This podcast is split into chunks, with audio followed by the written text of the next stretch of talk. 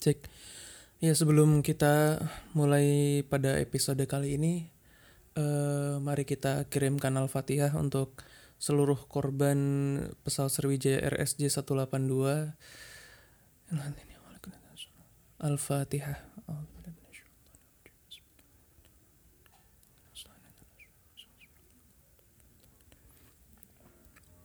Ya semuanya, eh, selamat datang kembali di podcast.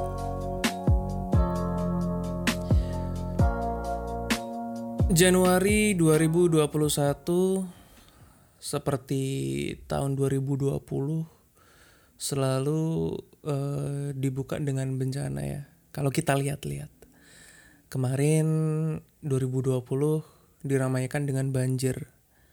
Sekarang 2021 selain ada corona, selain corona masih ada, eh, Indonesia juga mendapat kabar duka, duka yang sangat mendalam eh, di mana pesawat Sriwijaya Air eh, jatuh dari perjalanan dari Jakarta ke Pontianak eh, jatuh di Kepulauan Seribu dan eh, masih tim SAR tim gabungan masih mencari puing-puing dan masih mencari jenazahnya.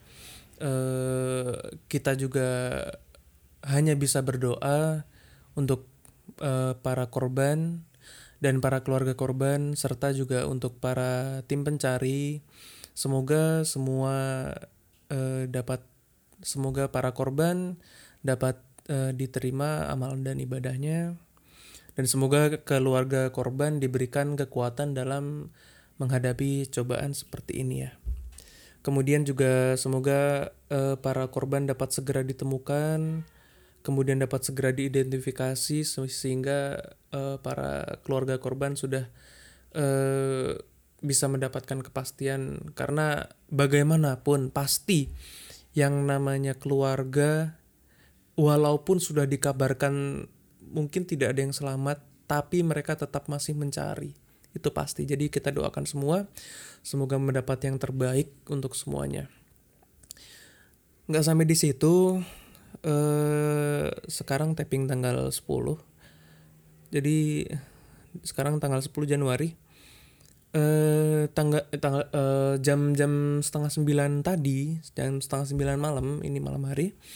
Jam setengah sembilan tadi dikabarkan Merapi mengeluarkan eh, lava pijar.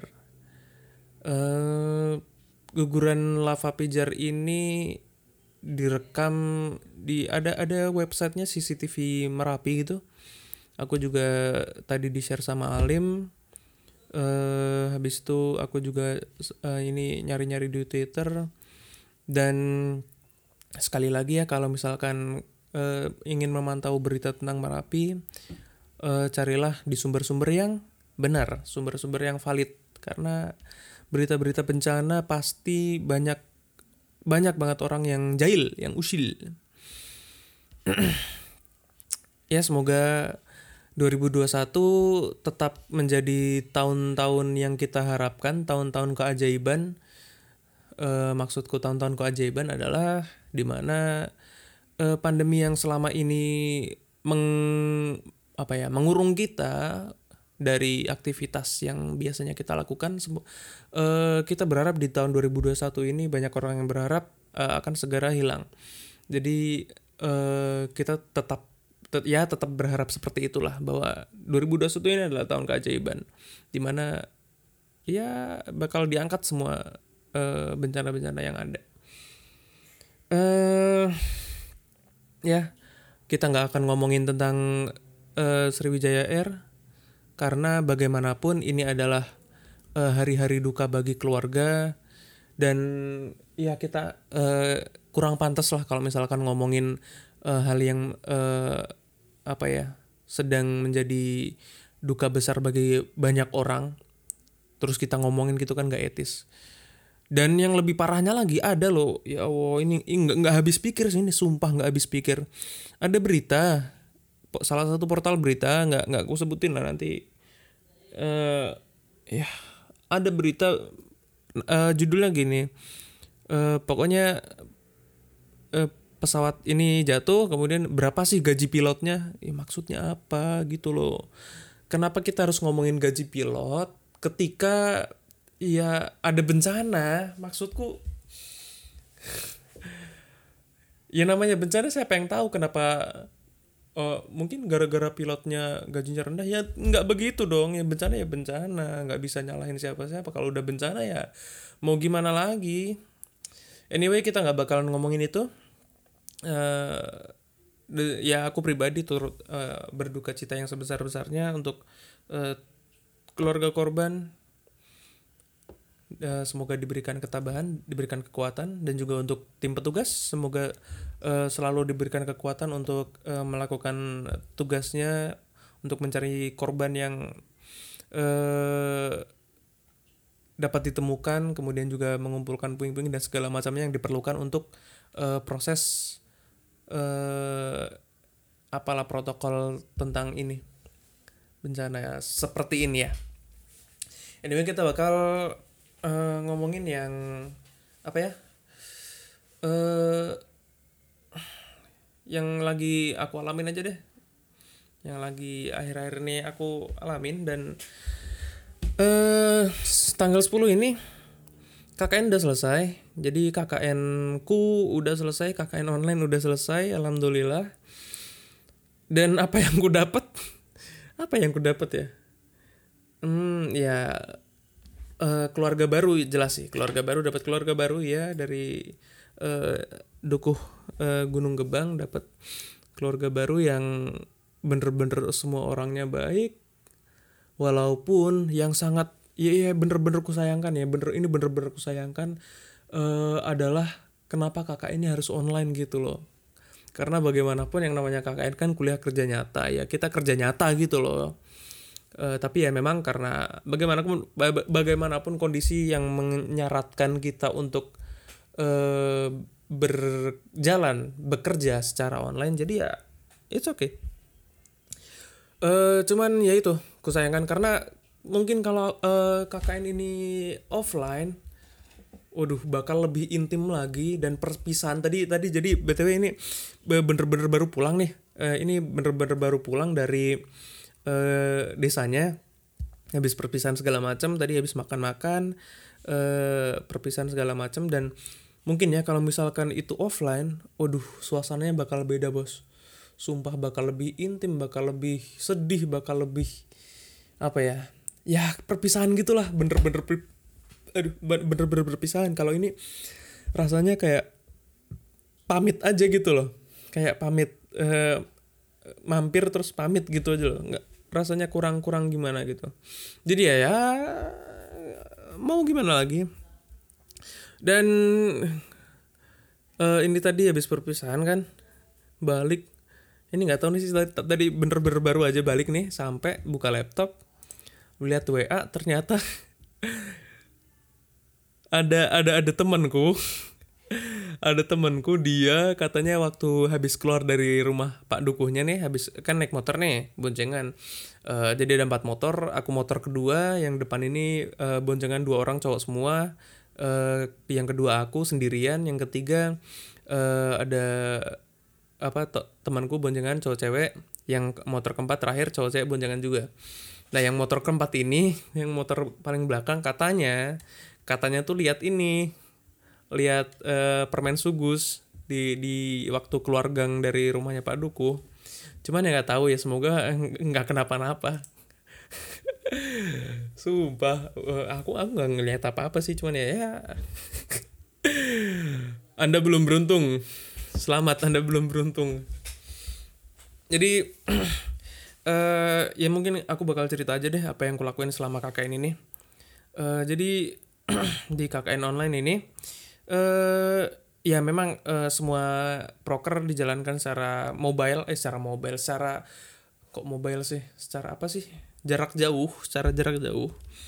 Jadi mau nggak mau kita harus inovasi memberikan apa ya proker-proker yang bisa dilaksanakan secara uh, daring.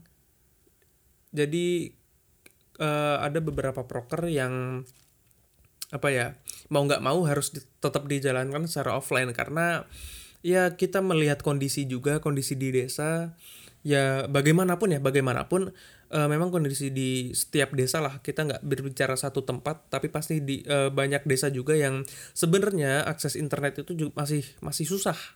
Dan bener-bener orang yang menggunakan internet itu juga masih sedikit. Jadi uh, memang ada beberapa program kerja yang harus dilaksanakan secara offline.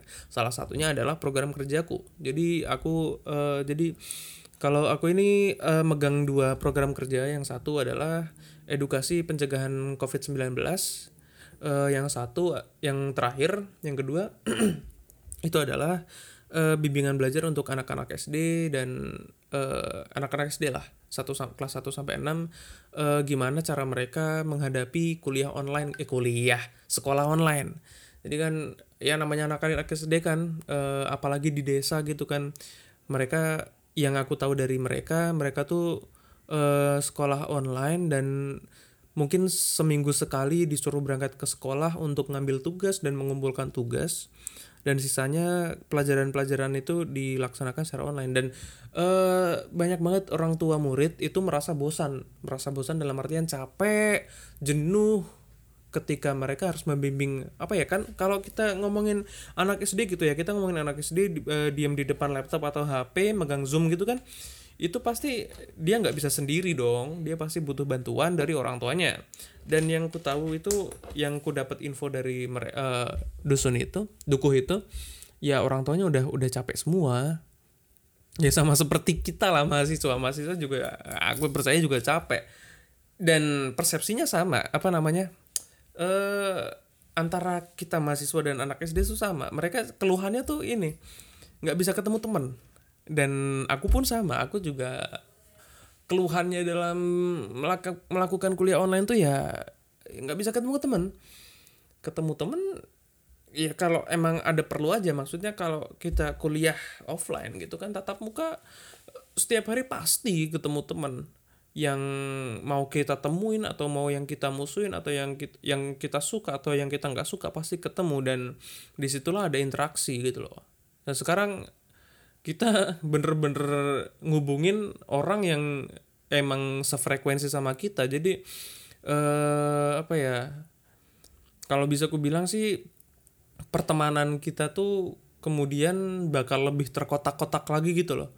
Nggak bisa kita expand eh, jangkauan pertemanan kita. Walaupun sebenarnya bisa cuman itu bu mungkin uh, buat uh, beberapa orang sulit. Karena ya buat aku sendiri sih uh, apa ya aku aku malas sih kalau aku apa ya kayak ngomongin aku introvert atau apa ya aku juga nggak tahu soalnya. Cuman aku merasa aneh aja kalau misalkan nggak ada perlu apa-apa ngubungin orang yang nggak pernah aku walaupun aku kenal cuman aku nggak pernah ngobrol sama dia tiba-tiba ngubungin gitu aku ngerasa aneh aja gitu loh Uh, itu sama anak-anak sendiri juga mereka mikir kayak gitu juga. Dan maka dari itulah uh, salah satu program kerjaku ya ini uh, apa namanya ngasih bimbingan belajar lah. Cara gimana sih caranya belajar secara online biar nggak bosan tuh gimana? Terus kita juga uh, sambil apa ya seru-seruan. Waktu itu juga seru banget jadi ada ada ini uh, satu sesi uh, main-main habis main-main itu kita ini bikin kelompok-kelompok gitu kan bikin kelompok-kelompok habis itu ya udahlah terserah dari kelompok-kelompok itu apa yang mau dibicarain sama anak-anak ke kakak-kakak ke anak-anak KKN jadi uh, bebas mereka mau ngomong apa aja dan waktu itu yang uh, di kelompokku itu uh, anak-anaknya ternyata semangat banget buat belajar bahasa Inggris. Bener-bener semangat banget.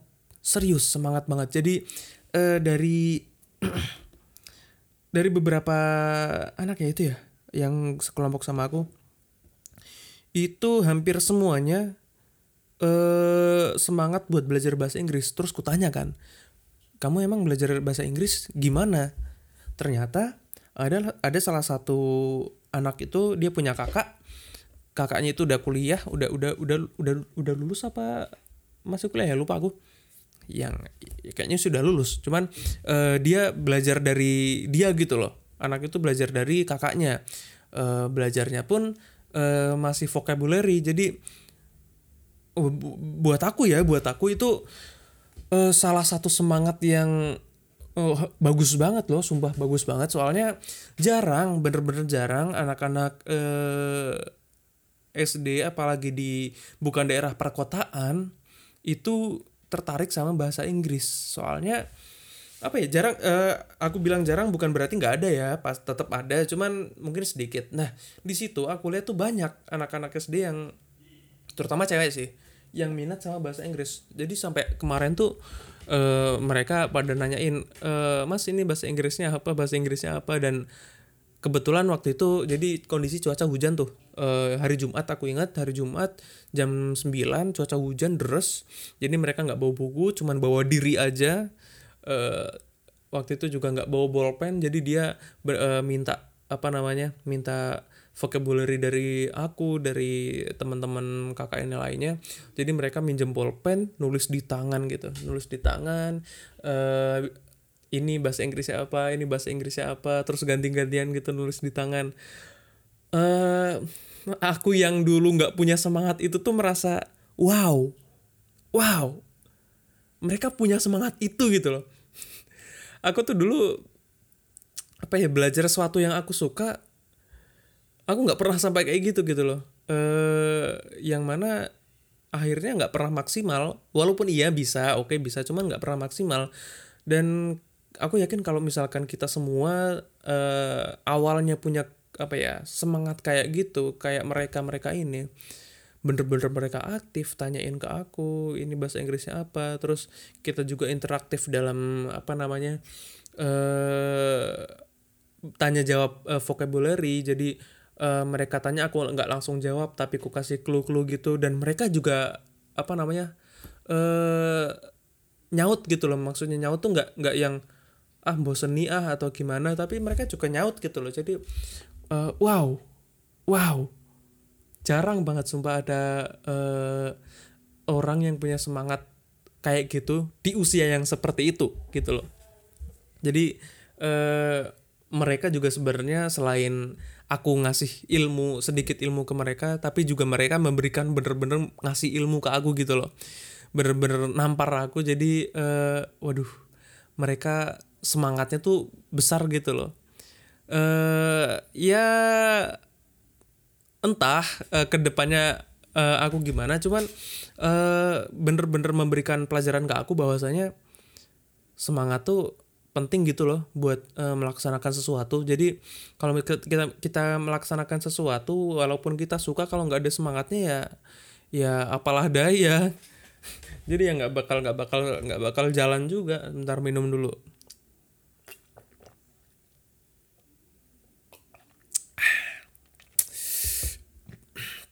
jadi haus banget.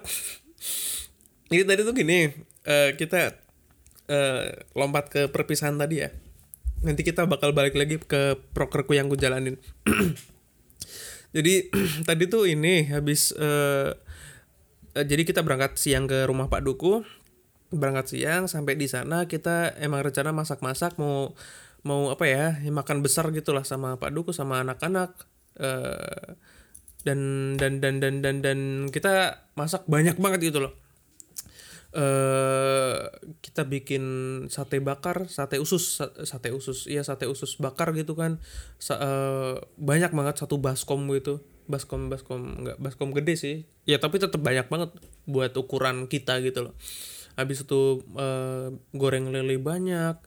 Terus apa sih bikin wah banyak banget lah. Ada ayam juga tempe tahu dan lain-lain dan sebagainya macamnya. Nah situ kita makan. Makan uh, aku kan ini ya selain emang punya kemampuan makan banyak jadi tadi itu aku juga nggak enak karena uh, apa sih masak tuh udah banyak banget gitu loh. Terus teman-teman juga ya mungkin uh, mereka emang udah kenyang aja gitu loh. Cuman aku ngerasa waduh nggak enak bro sumpah bikin banyak-banyak masa nggak dihabisin gitu loh.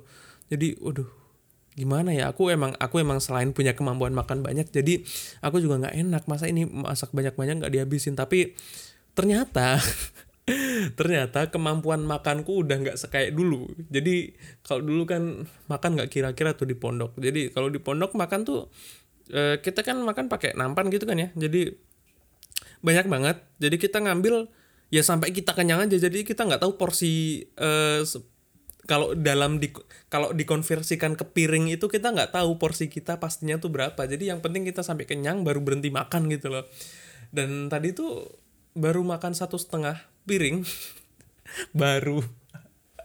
Yang pertama lauk ayam tempe tahu tempe dua tahu dua habis itu sayur eh sama sambal sambal belut. Itu habis habis itu nambah gitu kan. Karena nggak enak karena nggak enak. Soalnya masak tuh banyak banget sumpah. Itu aja sisanya masih banyak banget loh sumpah. Sisanya tuh tadi banyak banget. Cuman ya ya semoga bisa jadi eh, apa ya cadangan lah buat Pak Duku gitu kan. Eh, terus habis itu aku nambah pakai lele terus habis itu tahu tempe komplit pokoknya. Terus sate usus juga aku makan semua. Jadi eh ini tadi bener-bener kekenyangan serius kekenyangan. Dan eh apa ya merasa haus terus gitu loh. Nggak tahu kenapa. Dah kita balik lagi ya sorry. Jadi habis eh sebentar sebentar sebentar sebentar.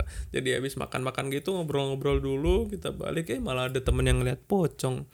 Tapi ya semoga nggak apa-apa ya terus balik lagi kita ke program kerjaku selama di KKN jadi ada salah satu eh, yang pertama ini program kerja utama sih. Jadi aku dikasih tanggung jawab buat ngehandle eh, proker utama yaitu edukasi pence- eh, edukasi kesehatan pencegahan COVID-19 nah jadi di awal eh, ini mungkin cerita dulu sih eh, gimana sampai ke situ jadi di awal kan emang eh, harus dari proker apa ya proker KKN itu harus ada proker utama dan pendukung. Dan di proker KKN utama itu harus mencakup eh, beberapa aspek lah. Salah satunya aspek kesehatan dan itu adalah eh, disarankan dianjurkan adalah mengangkat tema COVID. Nah, jadi eh, akhirnya kita semua sepakat untuk ngambil topik eh, edukasi pencegahan COVID. Jadi, oke, habis itu eh, aku aku ini waktu itu eh, pikiranku tuh udah gatel gitu loh. Ah, aku mau ngambil eh, ngambil PJ Proker ini ya. Soalnya eh, aku udah udah udah kebayang aja gitu loh mau diapain nih proker gitu loh. Udah udah udah kebayang mau diapain ini proker eh, habis itu eksekusinya gimana udah kebayang semua. Nah, eh, waktu itu eh, waktu mau dilempar ke siapa gitu aku langsung ini sih langsung yaudah aku aja gitu kan. Eh, atau gimana aku lupa. Pokoknya aku habis itu eh, pengen lah waktu itu. Sampai akhirnya eh, yang ku bayangin cara edukasinya adalah waktu itu eh, memanggil salah satu eh, perwakilan dari Satuan Tugas Pencegahan COVID-19 dan kebetulan kebetulan UPN tuh punya kebetulan UPN punya dan eh, terhitung aktif karena eh, waktu aku ngobrol sama bapaknya beliau tuh ya eh, selain jalan di UPN dia juga beliau juga jalan di Sleman gitu loh jadi eh, bisa aku bilang Satgas Covid UPN ini orang-orangnya juga aktif. Entah di kampus bagaimana? Nggak maksudnya secara organisasi di kampus. Kalau orang-orangnya aktif, sumpah. Jadi beliau bapak eh, yang aku wawancara ini, eh, beliau juga sibuk ternyata eh, di Satgas Sleman ternyata begitu. Jadi waktu itu aku apa sih eh, inisiatif karena kan waktu itu se- sebelum KKN itu ada pembekalan dan pembekalan tuh eh, pencegahan covid tuh ke- kebetulan diisi sama beliau jadi wah aku ngundang beliau lagi aja lah buat pembicara jadi jadi pembicara di iniku prokerku. Jadi aku waktu itu bikin zoom kita wawancara sama bapak itu direkord dan yang malunya ini malu bener sumpah malu. Aku udah pembukaan udah mukodimah gitu kan udah sampai eh ngelempar apa ya ngelempar kesempatan ke bapak itu buat opening ternyata belum ke record aduh malu. Dan yang ngingetin tuh soalnya bapaknya bro. Jadi malu double malu sumpah. Kalau misalkan yang ngingetin temen mah ya ya ya ya it's okay. Cuman ya emang tetap malu. Cuman bapaknya loh yang ngingetin. Malu. Habis itu kita ulangin. Record. Mulai lagi gitu kan. Kita mulai lagi eh, ngobrolin masalah eh, pencegahan covid terutama kita arahkan ke eh, desa yang sedang kita tempati untuk KKN kita sesuai aduh sorry. Kita sesuaikan lah ininya apa namanya konteksnya.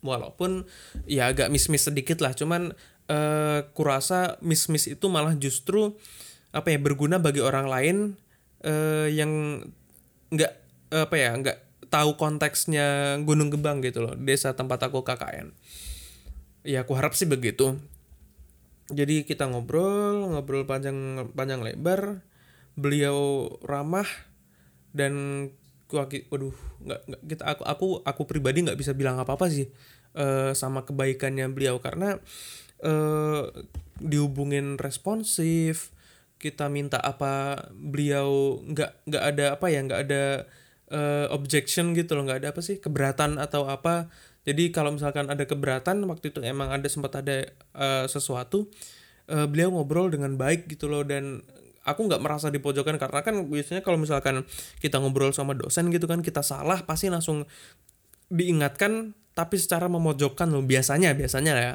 Biasanya nggak semua. Mayoritas. Ya jadi beliau enak banget kita ngajak ngobrol juga enak uh, sampai akhirnya ya kita ngobrol selesai. Uh, dan semua hasil KKN itu uh, kita upload di YouTube. Kita upload di YouTube. Jadi dan kebetulan juga aku keba kebagian megang uh, YouTube. Walaupun nggak semua video yang aku yang edit tapi mayoritas ya cuman nggak semua. Uh, jadi kalau kalian penasaran sama hasil KKN ku kalian juga bisa ngelihat uh, di YouTube-nya uh, search ya. KKN spasi AB spasi 74.06 spasi E. Spasinya aku lupa sih persisnya. Cuman KKN AB 74.06 E. Pokoknya itu spasinya aku lupa tempatnya. Boleh cek aja di situ. Jadi kita uh, selain program-program itu kita juga banyak program lainnya. Uh, ini mungkin promosi sih ya, cuman ya uh, karena ini mungkin ini ini ini podcast ini bukan sebagian dari proker KKN ya. Sorry sorry aja. Kita udah pelepasan. Belum ini sih. Maksudnya kita udah selesai KKN ya. Uh, jadi kalau kalian uh, ya aku aku cerita aja lah. Mungkin bagi kalian teman-teman yang juga penasaran sama KKN online gimana? Jadi aku aku share aja lah. Jadi temanku juga ada yang buat uh, apa namanya apa sih? Pembuatan ini loh video profil uh, dari desa tersebut. Jadi temanku uh, aku yang tag video karena kan ya kebetulan juga aku yang punya kamera terus aku bawa terus dari kemarin. Jadi aku tag video segala macam dan uh, temanku olah buat jadi diisi jadi apa namanya video profil uh, desa Gunung Gebang gitu. Nah selain itu juga temanku punya inisiatif sebenarnya buat bikin website baru uh, website tentang dusun Gunung Gebang. Tapi ternyata dari Kominfo Sleman mungkin ya atau daerah pokoknya uh, meminta buat kita ngisi konten aja. Jadi nggak usah buat baru cuman kamu ngisi konten aja di desa uh, Sumber Harjo jadi uh, persisnya tuh gini loh. Jadi ke, ke Kabupaten Sleman Kecamatan Prambanan Desa Sumber Harjo Dukuh Gunung Gebang. Nah gitu. Jadi uh, jadi desa Sumber Harjo ini dia udah punya website yang memang mencakup semua desa itu. Nah kita disuruh ngisi konten di situ aja. Itu kemudian juga ada salah satu broker yang kuusulin tapi penanggung jawabnya dipegang sama temanku. Itu adalah salah satunya. Ini yang jadi lawakan terus sih. Bangsat emang. Nggak bercanda. Jadi ini brokernya adalah uh, tata cara mencuci tangan yang benar dan yang jadi bercandaan adalah jadi waktu itu aku bikin proposal bikin proposal tuh ya prokernya itu cara mencuci tangan dengan benar. Cuman alokasi waktunya waktu itu aku bikin 30 jam pertimbangannya. Pertimbangannya karena emang apa ya dari teman-temanku tuh bilang yang udah KKN atau yang belum yang uh, sudah udah tanya-tanya mereka tuh bilang katanya uh, dibanyakin aja waktu ininya waktu alokasi alokasi waktunya. Soalnya kan uh, belum kalian tag videonya edit videonya publikasi segala macam. Nah itu tuh uh, teman-temanku bilang itu itu tuh dimasukin gitu loh. Itu tuh dimasukin semua itu tuh dimasukin. Nggak nggak cuman edukasinya aja tapi prosesnya tuh juga dimasukin ke alokasi waktunya. Jadi 30 jam itu teman-teman saya jadi 30 jam itu adalah alokasi dari persiapan habis itu ambil video editing publikasi dan segala macam. Jadi bukan cuci tangan pure cuci tangan 30 jam. Tangan eh, lalat minder nempel di tangan anda. Minum lagi bentar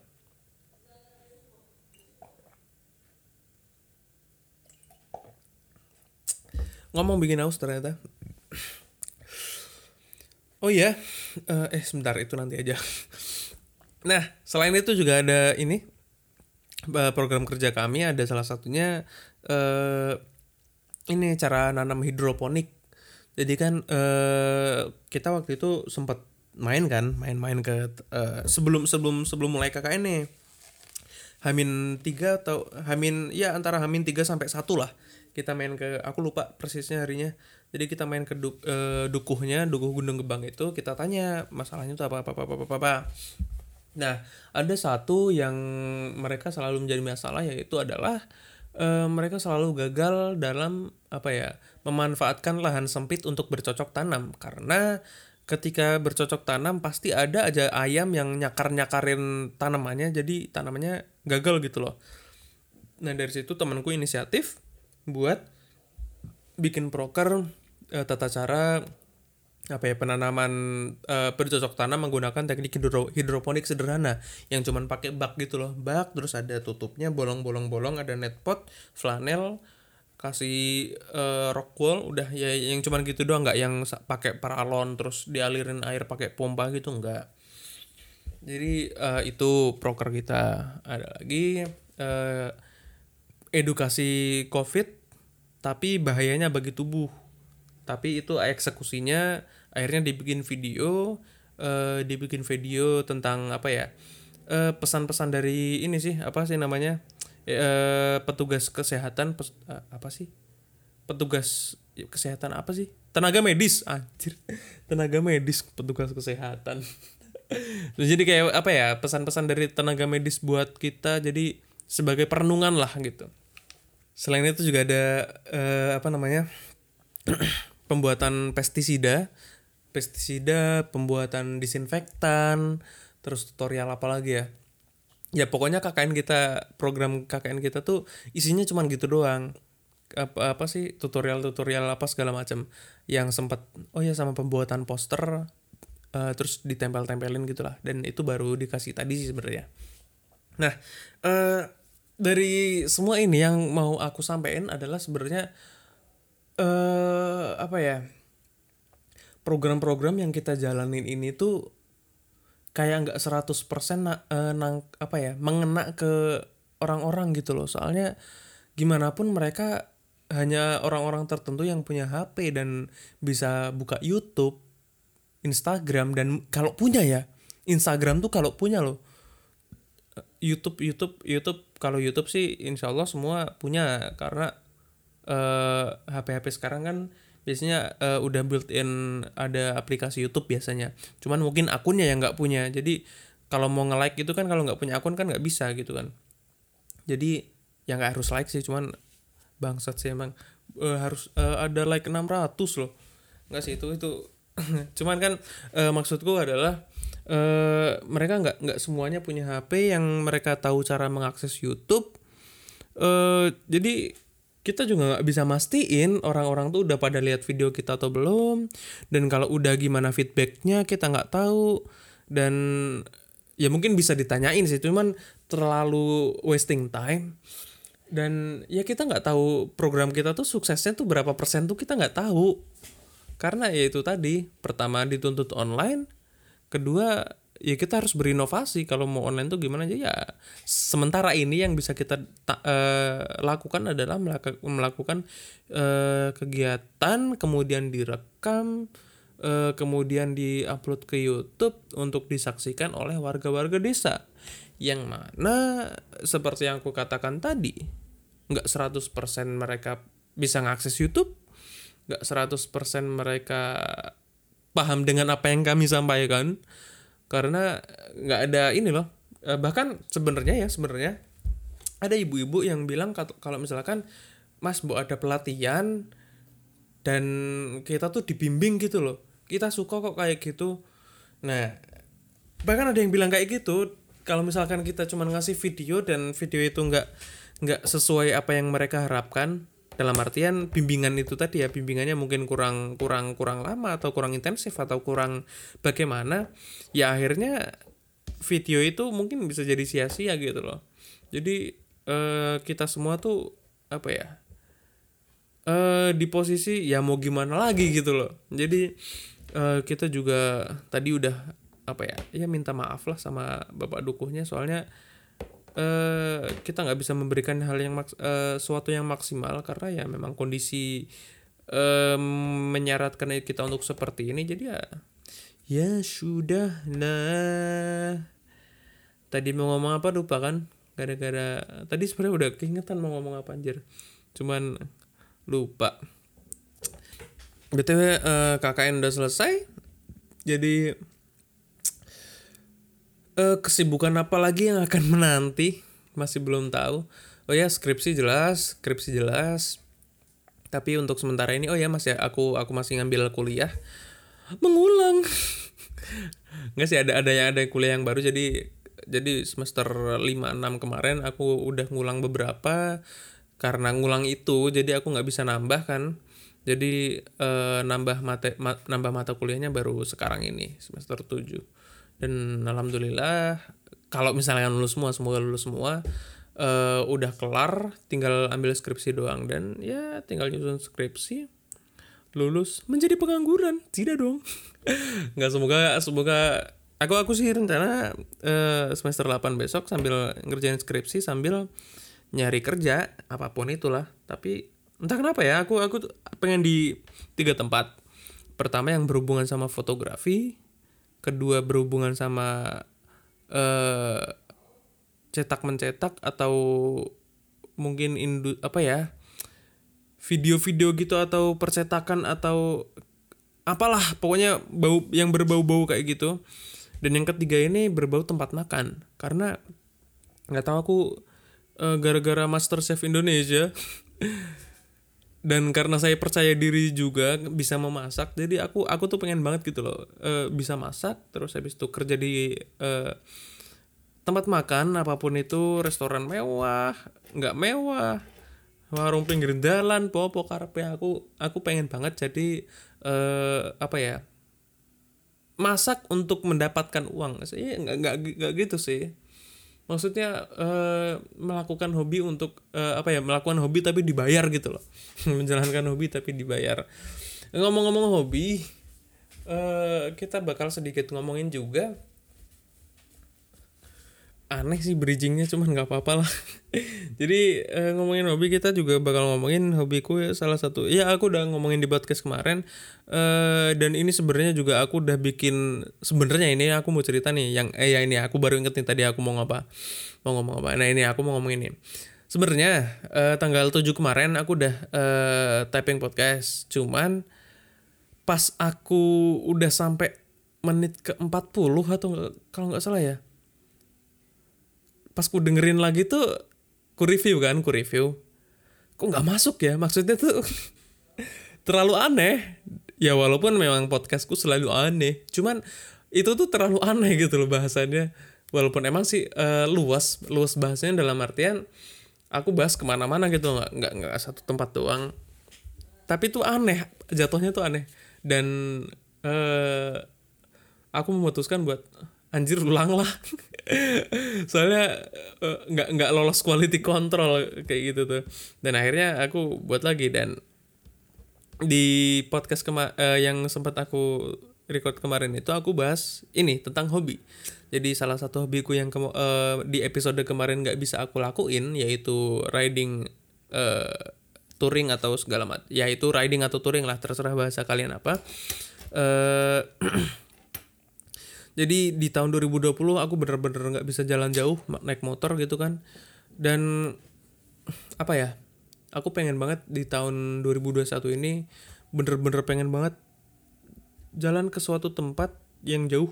Dalam artian ya nggak nggak cuma di daerah DIY doang gitu loh. Kita mau ke mana ke mana ke mana ke mana itu naik motor jauh-jauh gitu loh. Soalnya apa ya eh nggak tahu ya kalau orang lain. Cuman kalau aku tuh di jalan eh jalan jauh gitu kan aku tuh merasa ket- merasakan ketenangan gitu loh. Aku tuh ngerasa tenang seru apa ya.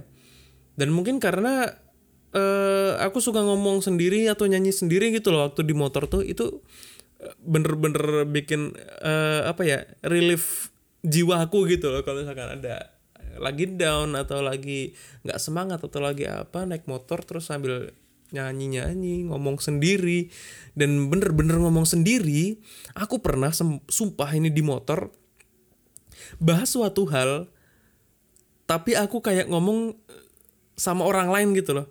Jadi aku eh, apa namanya ngobrol tapi eh, di dua sisi. Jadi aku misalkan aku ngomong sebagai A nanti ku jawab sendiri sebagai B nanti ku balas lagi sebagai A. Jadi aku ngomong sendiri tapi ku balas-balas gitu loh. Itu pernah ngomong ngomong sendiri sampai kayak gitu tuh pernah. Jadi eh, seru seru. Di, di motor tuh seru walaupun memang resikonya sangat besar. Karena eh aku episode kemarin ngomong ini nggak ya. Ya aku pokoknya ngomong gini lah. Eh di motor itu di jalan ya terutama di jalan. Apa pun kendaraan kalian eh di jalan itu eh, sebenarnya nyawa kita tuh separuhnya berada di bawah di bayangan di bawah kita. Jadi kita nggak tahu eh apa ya separuh apa yang akan terjadi karena keselamatan kita juga nggak dipegang kita sendiri. Kita ibaratkan motor aja lah ya.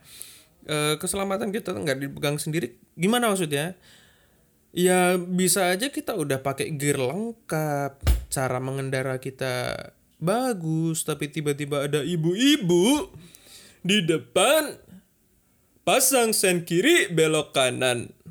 Aduh itu eh, apalagi motong langsung motong gitu loh. Kan itu eh, bukan apa ya nyawa kita dipegang sama ibu-ibu itu. Kalau misalkan dia jatuh kita nabrak belakangnya ada apa kita nggak tahu kan siapa yang tahu?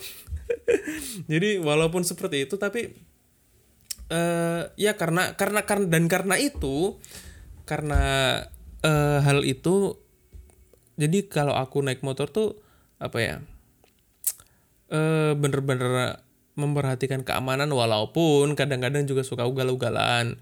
Ya anak muda pasti sering lah walaupun udah niat eh, apa sih namanya pengen serius atau eh, fokus gitu kan di jalan tapi ya pasti ada aja lah eh, saat-saat di mana dia pasti ugal-ugalan gitu. Eh, jadi dan sebenarnya ya sebenarnya di tahun 2021 ini di akhir dua- 2020 sampai 2021 ini dengan adanya KKN salah satu hobiku itu udah tersalurkan karena eh dari aduh ini batuk terus bukan corona ya ini eh, nge-vape tadi asapnya duh gagal pokoknya jadi eh kita dari lokasi kos masing-masing sampai ke desanya itu eh, membutuhkan waktu 15 sampai 30 menit. Eh, jadi selama di jalan tuh eh, aku ngerasa ya selama ini yang aku butuhkan tuh tercukupi gitu loh apalagi kemarin sempat apa sih jalan-jalan jauh juga. Jadi eh ya keinginanku untuk eh, di motor lama-lama tuh akhirnya tercukupi. Walaupun ya eh apa sih belum seperti yang gue inginkan dalam artian jaraknya. Belum jauh terus habis itu seru-seruan bareng dalam artian eh di jalan. Ya ada caranya sendiri memang bukan ugal-ugalan tapi di jalan tuh seru-seruan juga bisa tapi ada caranya sendiri bukan dengan ugal ugal-ugalan gitu. Ya kalau kalian eh anak suka jalan jauh naik motor bareng-bareng gitu ya pasti tau lah. Eh dan ya karena itu pula eh ya aku udah udah udah agak ini sih udah agak relief lah bisa jalan-jalan jauh gitu kan naik motor. Apalagi ini sering kan jadi hampir dua kali seminggu bahkan lebih bisa dua kali seminggu lebih. Tapi rata-rata sih dua kali seminggu. Itu jalan-jalan jalan dari sini ke dusun Gunung Gebang Dukuh Gunung Gebang itu di mana lokasinya adalah uh, mepet dengan Bantul Piungan dan uh, Gunung Kidul. Jadi kalau kita ke selatan lagi itu udah pertigaan uh, yang mau naik ke Gunung Kidul itu. Jadi uh, ya lumayan jauh juga jadi seru di jalan seru uh, airnya airnya bisa ngobrol sendiri bisa nyanyi nyanyi sendiri. Uh, dan uh, ini apa sih namanya rasa kangenku selama berapa bulan di rumah itu akhirnya wah ter tercurahkan sudah gitu loh. Dan dan dan nggak uh, nggak nggak sampai di situ aja ternyata juga ketemu teman-teman baru keluarga baru di KKN jadi buat kalian semua teman-teman yang masih kuliah eh semangat terus. Semangat terus buat menjalankan kuliah berapa semester berapapun kalian.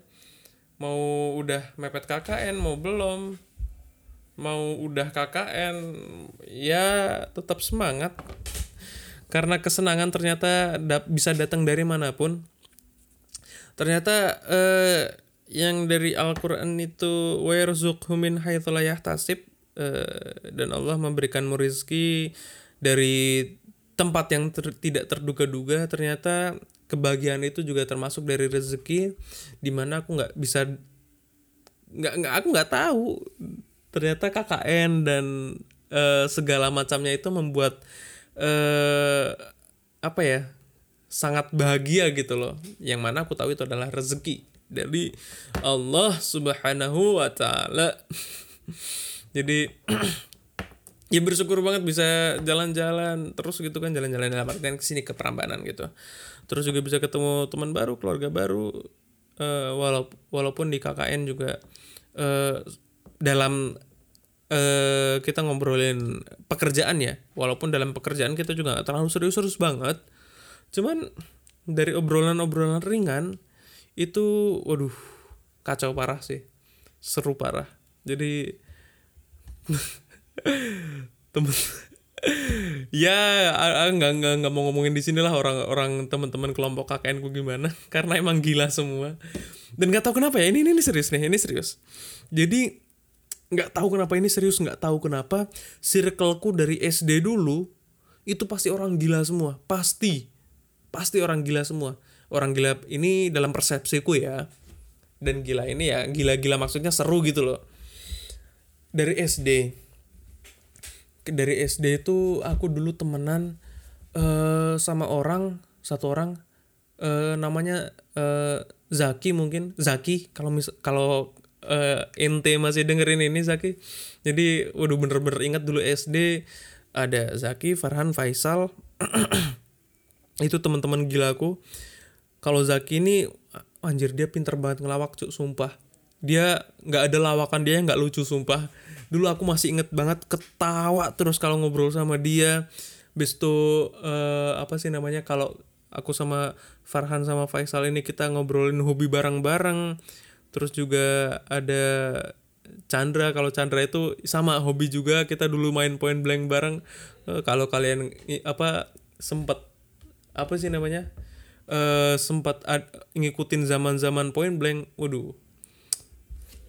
Chandra ini dia orangnya selalu full cash bro. Full cash pasti. Pro player juga lagi. Dan itu circle circle gila aku. Abis itu di pondok MTS SMP juga ketemu ya sama sama orang-orang gila-gila juga. Tem walaupun apa ya hmm, dulu aku sempat di kamar. Uh, kamar itu namanya berdasarkan abjad dulu aku kamar E. Itu walaupun orang-orangnya pendiam semua pendiam dalam artian apa ya aku nggak bisa ngomong uh, mereka nggak aktif sih. Cuman uh, kalau kuliah dalam kontribusinya di angkatan itu sekamar emang rendah semua. Aku aku aku uh, juga yakin dengan hal itu. Tapi di, di di lain itu kita di kamar itu bener-bener gila gitu loh orang-orangnya. Selain itu juga uh, ternyata setelah aku paham uh, teman seangkatan dulu kan aku kelas 1 itu cuman paham sekamar doang lah. Ternyata pas aku udah paham seangkatan kelas 3 itu kelas 2 kelas 3 ternyata ya sama orang-orang angkatanku tuh gila semua. Gila dalam artian tuh entah the worst atau the best tapi bener-bener gila gitu loh. Kalau misalkan kita ngomongin the worst ada. Uh, bestnya juga ada gitu loh. Jadi tuh wow. Wow. Komplit gitu loh. Terus ke MA ternyata MA juga ya tetap sama aja orang-orangnya. Dan ternyata lebih gila lagi di MA itu. Entah ya kita worst atau bestnya itu pasti ada. Cuman dan apa ya selalu aku di apa ya dikelilingi orang oleh oleh orang-orang gila gitu loh dan kuliah. Kuliah aku juga ketemu uh, sama teman-teman yang kuanggap gila gitu loh. Entah dari uh, tapi sejauh ini yang kalau kalau kalau kuliah ya uh, pemikirannya sih pemikirannya yang gila. Entah jokesnya atau apa tapi pemikirannya gila. Kalau tingkah laku mungkin ya kuliah udah nggak begitu berperilaku gila ya. Tapi uh, di sini lebih ke pemikirannya sih. Bener-bener wah uh, circleku nih kayaknya ada lingkaran setan atau apa nggak tahu ya. Dan di KKN juga ternyata ketemunya orang-orang gila juga ternyata.